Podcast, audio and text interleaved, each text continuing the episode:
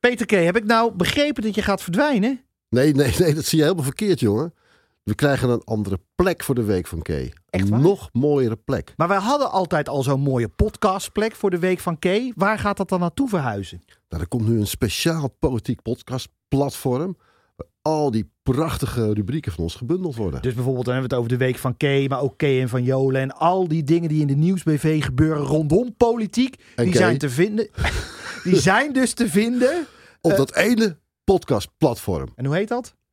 Ja, dat moet jij vertellen. De nieuwsbv Politiek. Hier, de Nieuwsbv Politiek. Is dus een podcast. En een kraakheldere titel. Heb jij nog gepleit voor een andere titel? Wil je het echt weten?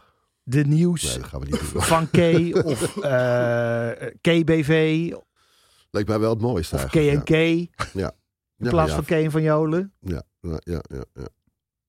De Dit, moet dan- ik even, dit gaat hem niet worden. In plaats van de week van K, elke dag met K. Ik vind het K. Hey K. Oké. Oké, oké.